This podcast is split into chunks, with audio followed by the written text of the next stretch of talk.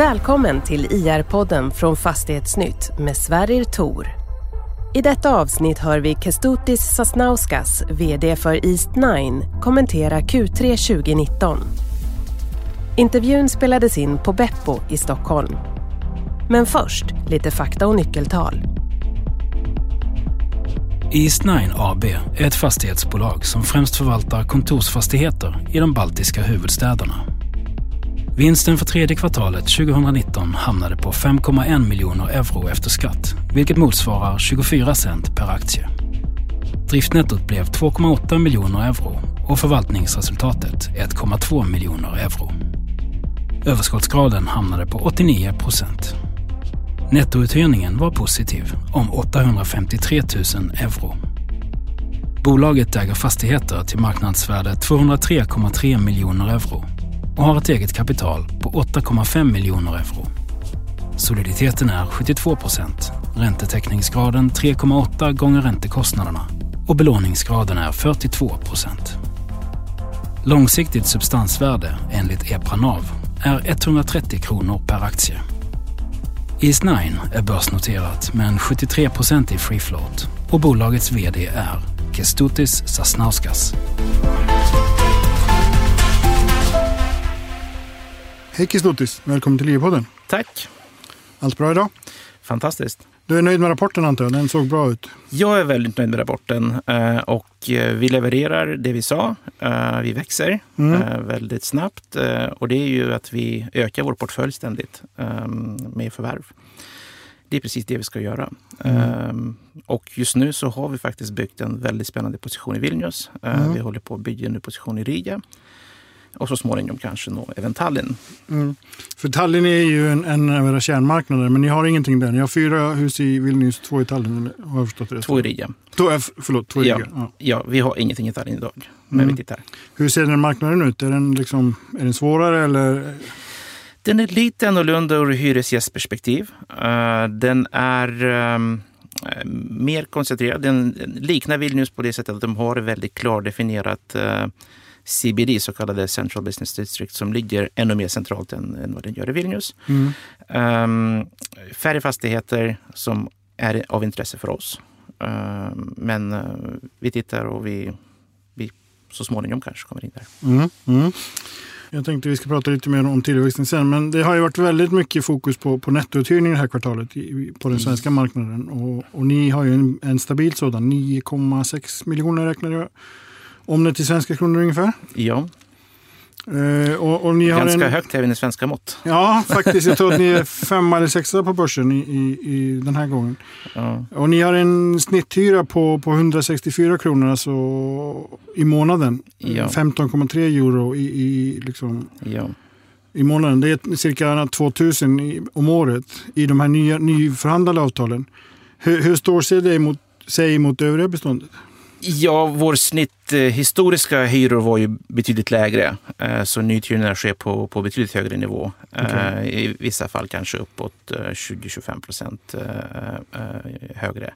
Mm. Sen har vi ju snitthyran som är lite lägre och det beror på, på, på lite av flera olika skäl. Men eh, vissa kontrakt är lite större, de, de oftast mm. man har lite mm. lägre hyror. Så det beror på vad man jämför i marknaden. Men vi ligger, nyuthyrningar sker faktiskt till nivå på kanske 16 eh, euro, vilket är marknadsnivå 16-17 euro. Går du högre upp så kan det vara till och med ännu dyrare. Okej, okay, och, och, för det är ju man läser ju det av rapporten. Det är ju tryck, alltså det är momentum i marknaden. Det är mycket det är väldigt... nybyggnat Eh, Deka har köpt in sig jättestort. Jag tänkte vi skulle komma in på det lite senare. Ja. Men det är verkligen momentum i marknaden. Det är bra momentum i marknaden. Det, och det Vilnius har ju kokat lite uh, under längre period. Uh, och vi är väldigt glada att vi har faktiskt byggt position, stark position i Vilnius. Uh, där vi är idag största spelare på kontorsmarknad mm. inom CBD. Mm. och även totalt tror jag skulle vara vi är störst just på kontor. Och eh, det är ju väldigt kul att eh, även internationella, större internationella aktörer eh, kommer in i marknaden också, som Deca. Mm. Så marknaden börjar bli lite mer likvid. Det är första gången eh, en så stor institution går in, vilket innebär att eh, man får lite kvalitetsstämpel på, på själva marknaden. Men vi har sett det under längre period och vi är som sagt väldigt glada att vi byggt positionen där i början. Mm. Yielden skriver, du, ligger ju, eller skriver ni i rapporten, ligger ju strax under 6 på, på CBD-kontor i ja. framförallt Vilnius. Ja. Och, och ni har en snittränta på 2,3 och det är ganska uppenbart arbitrage där. Är du förvånad att inte fler liksom, större spelare internationellt har sett eller liksom inte har kommit in? Både ja och nej. Uh, marknaden är fortfarande väldigt illikvid. Uh, jag tror att när, när antal fastigheter kommer öka, vilket sker nu gradvis, att det byggs faktiskt ganska mycket nytt. Och det är fortfarande bra tryck på hyresmarknaden.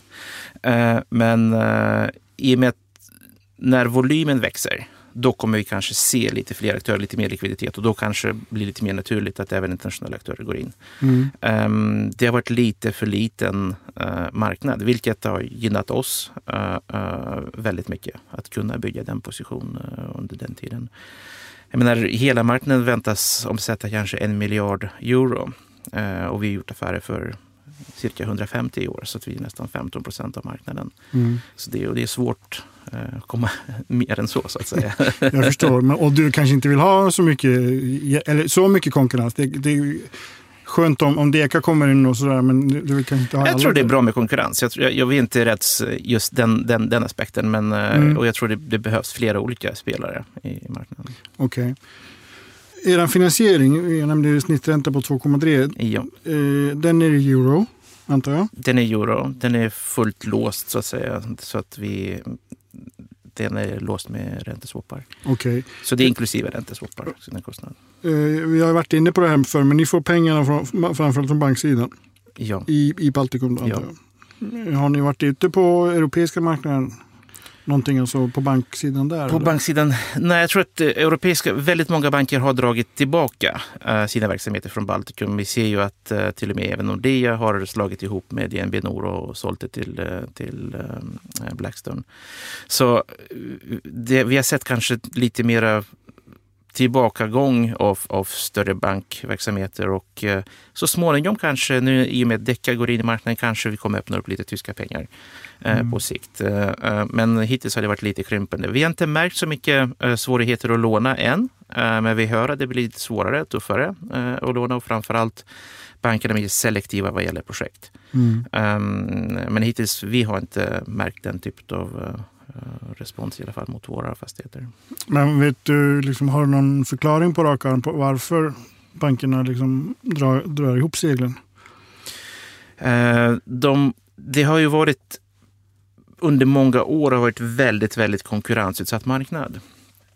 Eh, det var väldigt många mindre verksamheter och jag tror att alla försöker nu konsolidera alla försöker uh, få mer effektivitet i sina verksamheter och de som har inte nått den kritiska massan tror jag de har valt att, uh, att dra tillbaka. Mm. Så mm. finns det, dyker ju upp nya aktörer också uh, som har varit mindre och nu börjar liksom de, de får lite mer utrymme att växa. Men jag tror att historiskt för de här nordiska verksamheterna så ser vi att det inte handlar bara om bankerna, men det kanske handlar om vissa verksamheter som inte fått den kritiska massan, så, mm. så väljer att mm. faktiskt ta, ta hem. Kan det vara läge för nischbanker som Collector till exempel att gå in? Absolut. Eh, det finns utrymme för nischbanker och det finns ett antal nischbanker redan eh, på plats och som eh, utvecklas och växer. Mm. Så om Collector hör det här så, så ringer de dig? Ja, de, vi har lokaler till dem också. vad bra. Vad bra. Eh, Nej, nej, alltså like for like-beståndet så har ni lite lägre uthyrningsgrad. Ni har ju en väldigt hög uthyrningsgrad med svenska mått mätt. Vi har pratat om det förr, över 90 procent. Ja. Vilket ju beror på att, att ni har ett uh, väldigt modernt bestånd. Ja, ni har ja. liksom en, en, en brist på marknaden. Men, men hur, just det här like for like blir jag lite nyfiken på. Hur, hur liksom analyserar du den biten? Like for like handlar egentligen om eh, två hus mm. Eh, i Vilnius som egentligen skett väldigt stor omflyttning. Okay. Eh, det är framförallt Telia och Swedbank som flyttade till nya lokaler eh, som vi också äger. Och när de frigjorde väldigt stora ytor så den vakansen dök upp i april i år. Så like for like egentligen kommer vara ganska svag fram till kanske Q2 nästa år.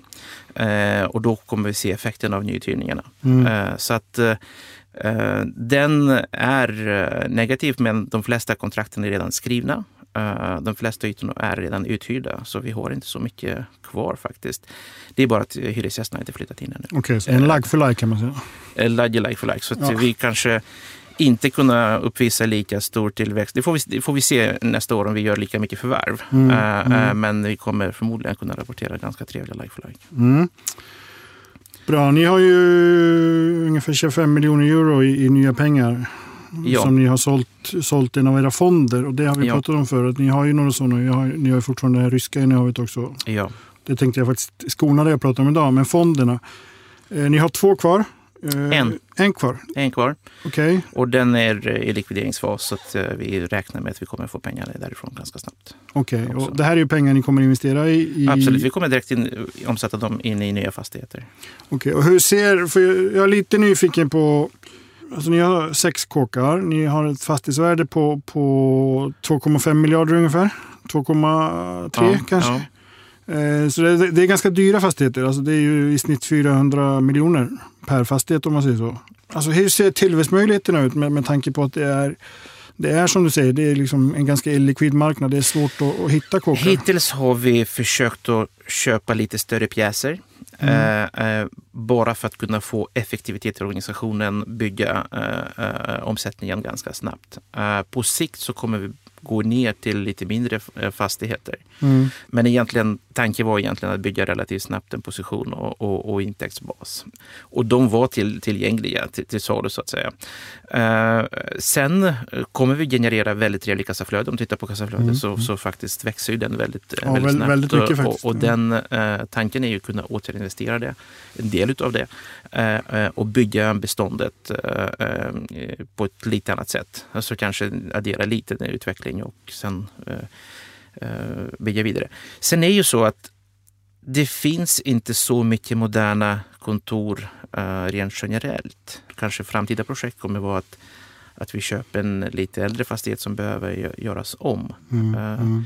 Men det har varit fokuset varit liksom på, att, på att skapa kassaflödena från, från början så att vi har faktiskt en buffert och vi kan växa mm. uh, från en stabil bas. Och då hade jag noterat frågan hur, hur liksom, dels hur mycket har ni i pipeline och det, det har du svarat på. Men Alltså det här med organisk tillväxt, att, att plöja ner pengarna i, i marken så att säga, snarare än att liksom, köpa färdiga hus och, och mm. alltså, köpa mark och bygga.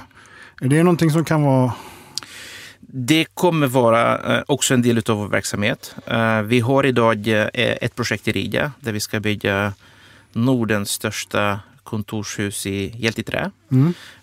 Som är i planeringsfasen. Kul att du säger Norden. Jag gillar det. Jag, jag kommer från Island. Vi brukar inte höra att vi är Norden heller. och Eh, nej, men tanken är ju att bygga, uh, utveckla också. Mm. Um, spänn kommer inte vara vår största del.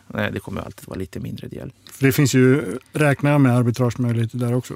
Det finns, det är betydligt större gap mm. uh, idag. Sen har ju byggkostnaderna stigit uh, ganska kraftigt. Mm. Uh, så det är kanske inte lika fina kalkyler idag som, som det varit förr. Men, men absolut finns arbitragemöjligheter där. Och, och framförallt är ju att då bygger man modern bestånd utav modernaste kvalitet. Mm. Vilket är inte kanske alltid fallet om man köper lite äldre hus. Mm. Mm. Du nämnde ju att kassaflödena stiger ju, alltså det är ganska brant kurva eh, från ja. Kommer från låg nivå så det, det, är lätt att stiga just nu. För all, del, för all del, men när man kom, kommer från Q1 till 3 2018 och sen ja. tittar på, på dels samma period 20, 2019, då växer en del. Om man tittar på, på 12 månader rullande, då är det ju liksom Absolut. ännu snabbare. Så det kommer Absolut. jag räkna med att när, när Q4 kommer in så blir det ju ännu större. Men sen de här fastigheterna, alltså ni har ju omförhandlat de här hyrorna i, i de här äldre ja. husen ja. till en högre nivå. Så det kommer få ännu, ännu mer skjuts där. Hur, liksom, hur ser intjäningsförmågan ut? Intjäningsförmågan ser väldigt bra ut. Eh, och så finns det en hel del olika dolda källor, till exempel som parkeringsintäkterna. Uh, i, I Baltikum har vi väldigt stora parkeringsytor uh, mm. i varje fastighet jämfört med vad, vad, som är normalt i Stockholm. Och många av de här parkeringarna historiskt har varit gratis, uh, men marknaden har ändrats. och det är ju ingenting som kräver stora investeringar på något sätt men du kan ta betalt uh, för det som har byggts och egentligen inte tagits betalt för. Mm. Mm. Så att där har vi enorm potential faktiskt. För vi har nästan, i ettan och tvåan hade vi nästan 1200 parkeringsplatser som var gratis som omvandlas nu till, okay. till, till um, betald parkeringsplatser. Mm. Så att, um, och där åker alla bil till jobbet? Är det som på Island? Eller? Folk åker till jobbet bil eh, mm. alldeles för mycket. Mm. Fast det, det får du inte säga. om, man, om man tittar på de här fonderna som ni har sålt. Ni har ju sålt eh, nummer tre va? Nummer tre ja. Och, och ni har en kvar som 77 miljoner euro var det va? Som ni har i värde eller? Nej, vi har 22 miljoner euro. 22 miljoner 22 miljoner, euro. Okej. Okay. Vilka är det som köper dem? Alltså är det en, liksom en baltisk spelare som köper in sig? Är det en svensk spelare? Som Trean såldes till baltiska pensionsfonder eh, okay. som förvaltas av Swedfund. Så det är tiotal fonder som, som, som tog hela positionen. Eh, och normalt, vi ser ju faktiskt att det har skett en eh, reform, eh, pensionsreform eh, i alla tre baltiska länder. Och den gradvis eh, öppnar upp för andra typer av tillgångar. Förut var det som började med obligationer och, och den typen av värdepapper och sen ökat till aktier och sen nu får man äga direktfastigheter. Okay. Så vi kommer se lite andra aktörer i marknaden. Vi kommer se lo lokal pensionskapital, vilket är väldigt, väldigt bra. Mm. Eh, för det är alltid viktigt att ha en stark eh, kapitalbas lokalt eh, i alla tillgångsklasser egentligen. Mm. Eh, och där eh, ser vi ju ökat intresse och i Estland så får man ju till och med äga fastigheter direkt. Så det är inte uteslutet att faktiskt de kommer börja äga också fastigheter direkt. Mm, mm. Och jag tror att det också krävs rent generellt lite mer långsiktigt kapital i fastigheterna. Uh, marknaden har varit dominerat med, med fonder uh, och uh, det har gjort att kanske vissa investeringar uteblivit och kanske fokuset legat någon annanstans. Mm, än att, mm. Vilket också skapar väldigt bra möjlighet för oss mm, eh, mm. Att, att, utveckla sina marknader. Och det skapar en likviditet om de får mer smak också? Absolut. Mm. Absolut. Finns det några fastigheter, nu, nu är det ju lite olika hur, hur, vilka regler man har i, i fondverksamheter och sådär, mm. men finns det några fastigheter i fonderna som du tänker att det här borde Eastnine äga? Eh, för det första så är det väldigt mycket intressekonflikter. Så mm. att, eh, ja, det, precis, det, det, är väldigt olika regler. Det, det, det utesluter äh, egentligen för oss att förvärva någonting. Där, rent generellt, nej, det fanns en fastighet som skulle vara eventuellt av intresse. men vi valde att inte prata om det på grund av intressekonflikterna. Mm. Och nej, men generellt menar vi fokuserar på kontor och där är mest fokus på logistik och, och, och, och retail. Eh, okay. Vilket okay. Eh, är inte inom vår fokus. Mm, mm. Det är fina fastigheter. Men det är... mm, mm. Kestutis, vi har slut på tid, men du får, kommer få samma fråga som alla här, sista, sista podden innan jul. Okej. Okay. Nu, är det bara, nu är det bara nästan en månad kvar. ja. vad, vad händer? Vad ska du göra i jul? Vad ska jag göra i jul? Mm. Jul ska vi vara hemma, men mm. sen ska vi åka upp till Åre. Okej. Okay. Åka skidor antar jag? Åka lite skidor mm. i mörkret. Kul, spännande. Eh, stort tack för, för i år, höll jag på att säga. Tack, mm. tack själv.